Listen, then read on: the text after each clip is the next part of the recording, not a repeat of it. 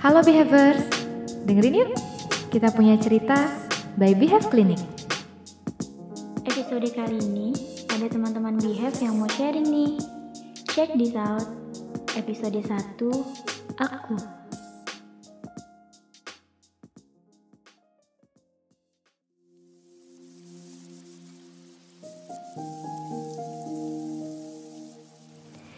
Aku yang sangat tertutup, inilah ceritaku dari sudut pandangku. Aku lahir di keluarga yang kurang mampu dan aku memiliki sembilan bersaudara. Aku adalah anak keenam. Ayahku adalah orang yang sangat keras dan ibuku adalah orang yang selalu taat dengan apa kata ayahku. Entah apa salahku, aku dibesarkan dengan rasa benci ayahku kepadaku. Segala apa yang kulakukan salah dan selalu saja aku kurang dari saudara-saudaraku. Dari kata kasar, sumpah serapah, hingga dengan tangan, itu hal yang biasa aku dapatkan dan tak ada sedikit pun perlawanan ibuku untuk membelaku. Sehingga aku sering lari ke tanteku, meskipun itu menjadi masalah lain untuk ayahku. Satu hal yang paling membekas dalam ingatanku, saat itu aku duduk di bangku SMP Aku lupa tepatnya aku kelas berapa.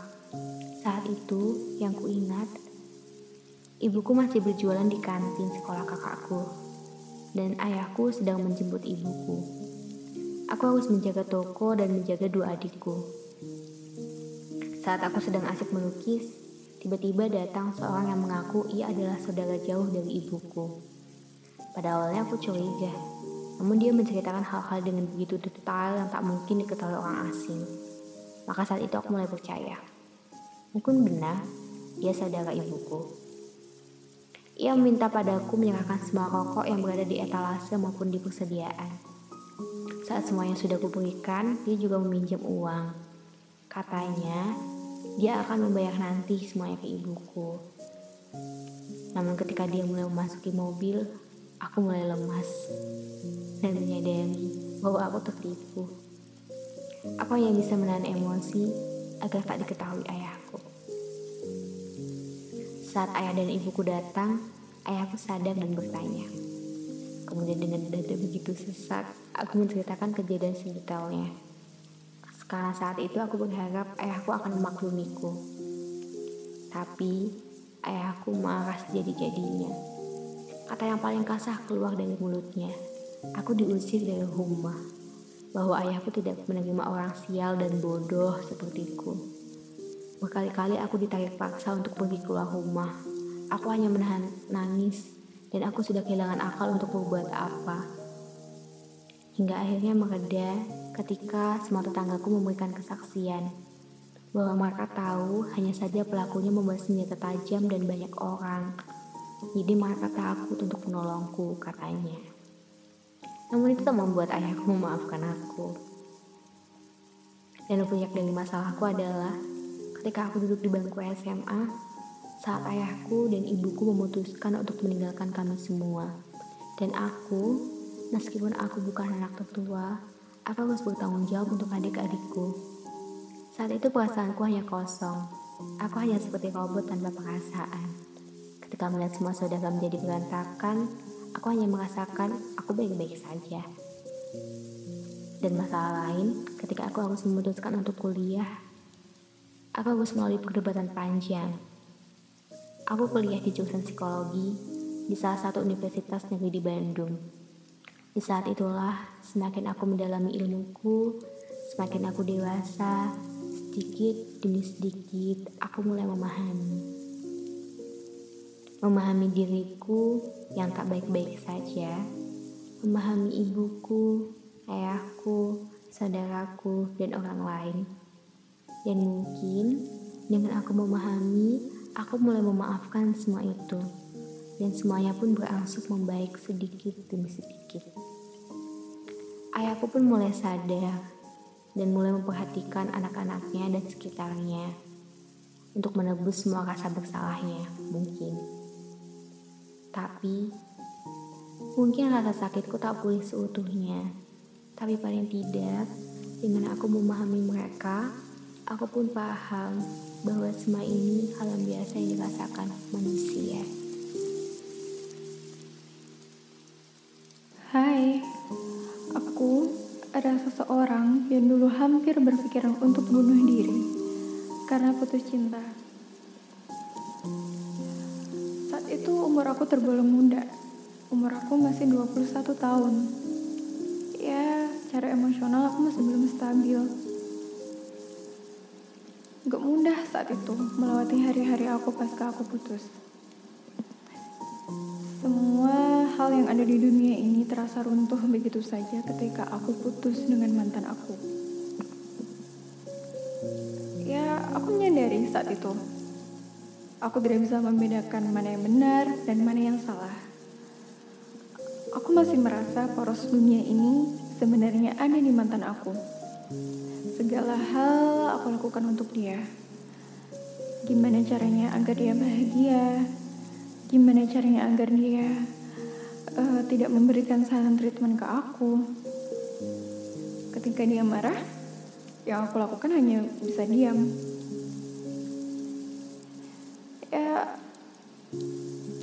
Aku nggak bisa bedain mana yang terbaik untuk aku dan mana yang tidak.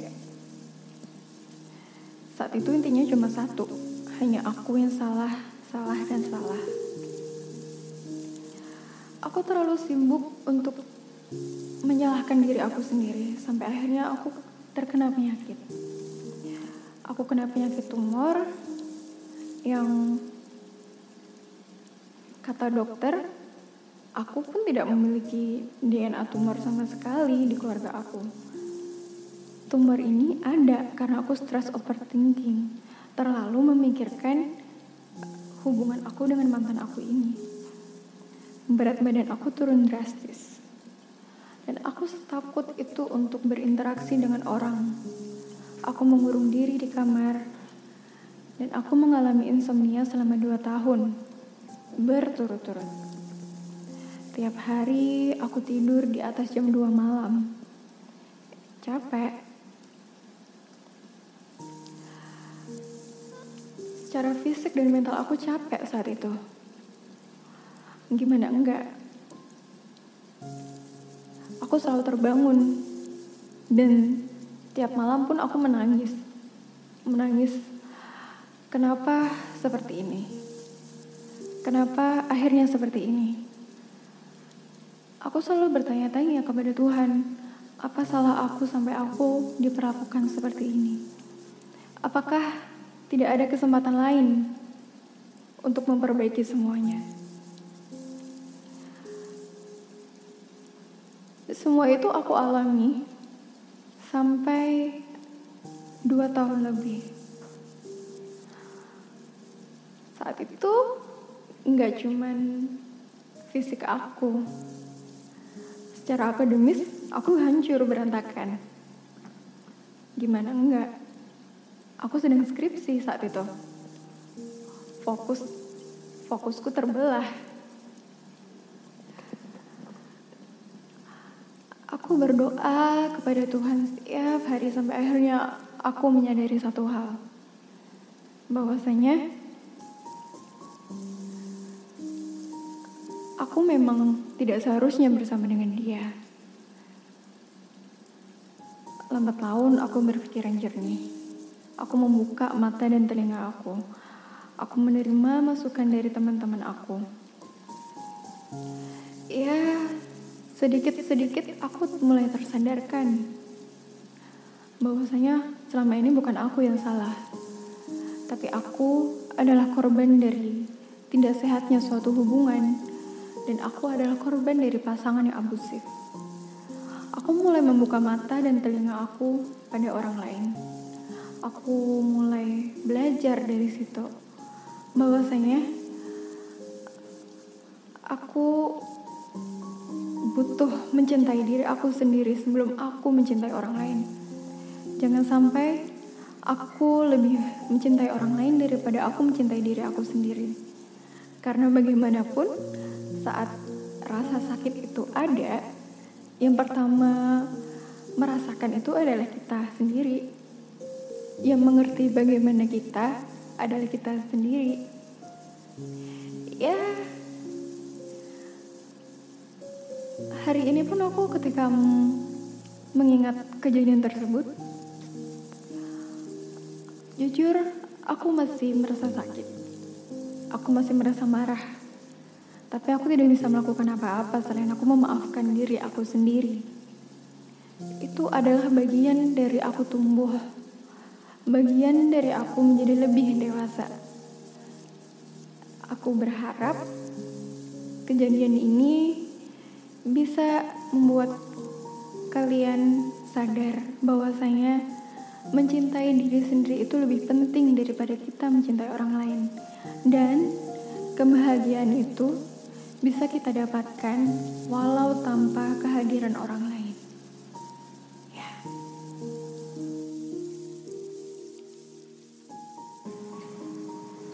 Malam. Ini tentang aku.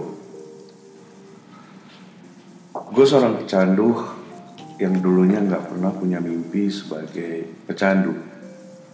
Latar belakang keluarga gue baik-baik aja. Alkohol adalah jenis minuman pertama yang gue pakai. Berselang setahun, gue udah coba obat-obatan jenis Nipam, BK, dan Rohypnol. Beberapa saat setelah gue kenal obat-obatan itu, gue kenal yang namanya ganja. Dan bersamaan juga gue kenal namanya putau. Nikmat luar biasa gue dapetin. Ya gue berpikir bahwa salah satu solusi gue untuk hadapin hidup ini adalah gue bisa mabok gitu. Um, perjalanan make gue nggak mudah, tetapi menyenangkan. Satu saat gue bisa merasa bahwa gue orang yang paling asik di dunia ini.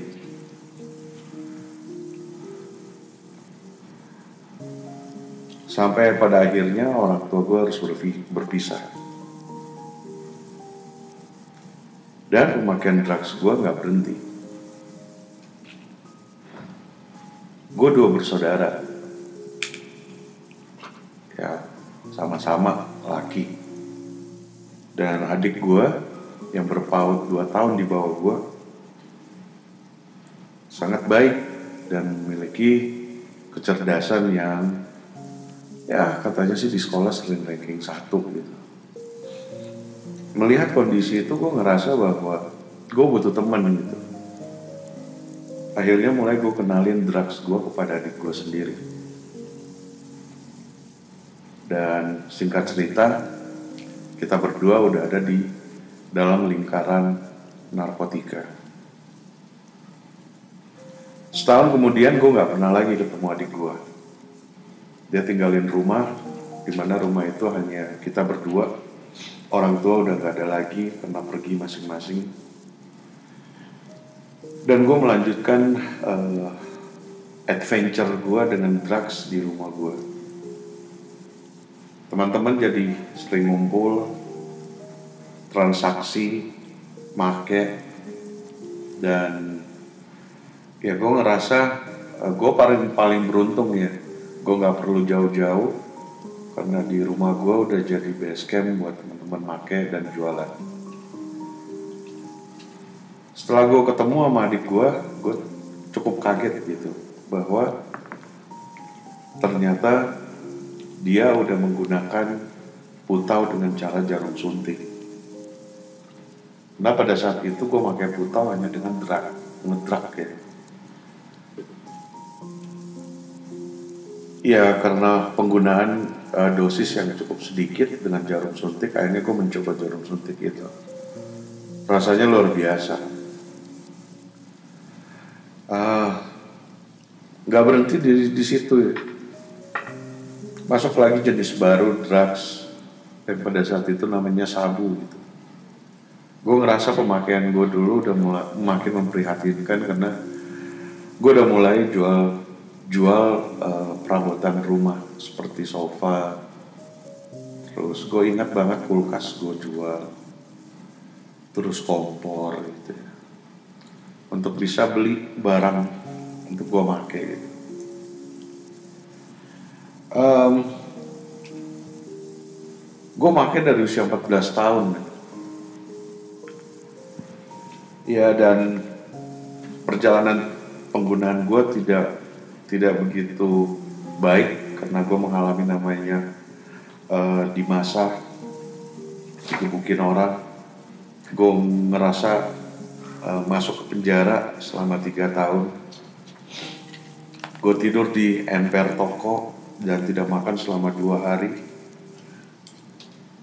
ya gue nggak punya mimpi yang gue tahu adalah gue mati dengan kondisi uh, menyedihkan. Ya gue nggak tahu, mungkin sang pencipta masih menginginkan gue di dunia ini.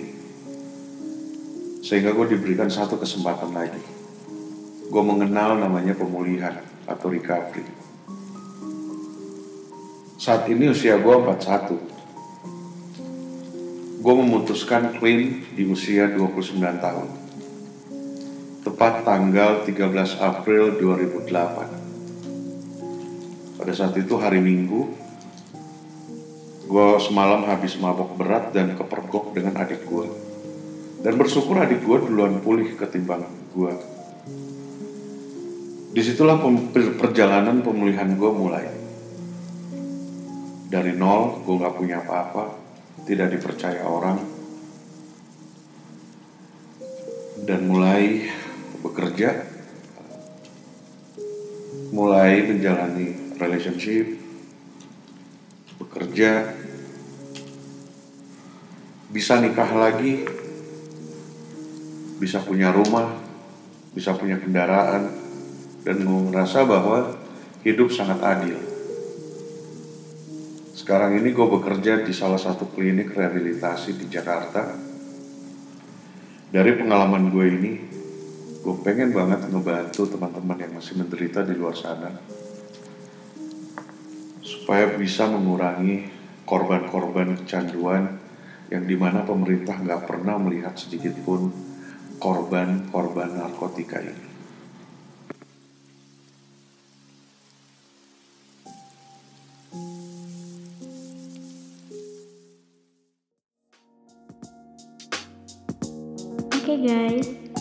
Cerita yang udah dibagikan teman-teman tadi dapat diambil pelajaran bahwa setiap manusia pasti memiliki masalah dan pada waktunya masing-masing masalah itu akan mendewasakan kita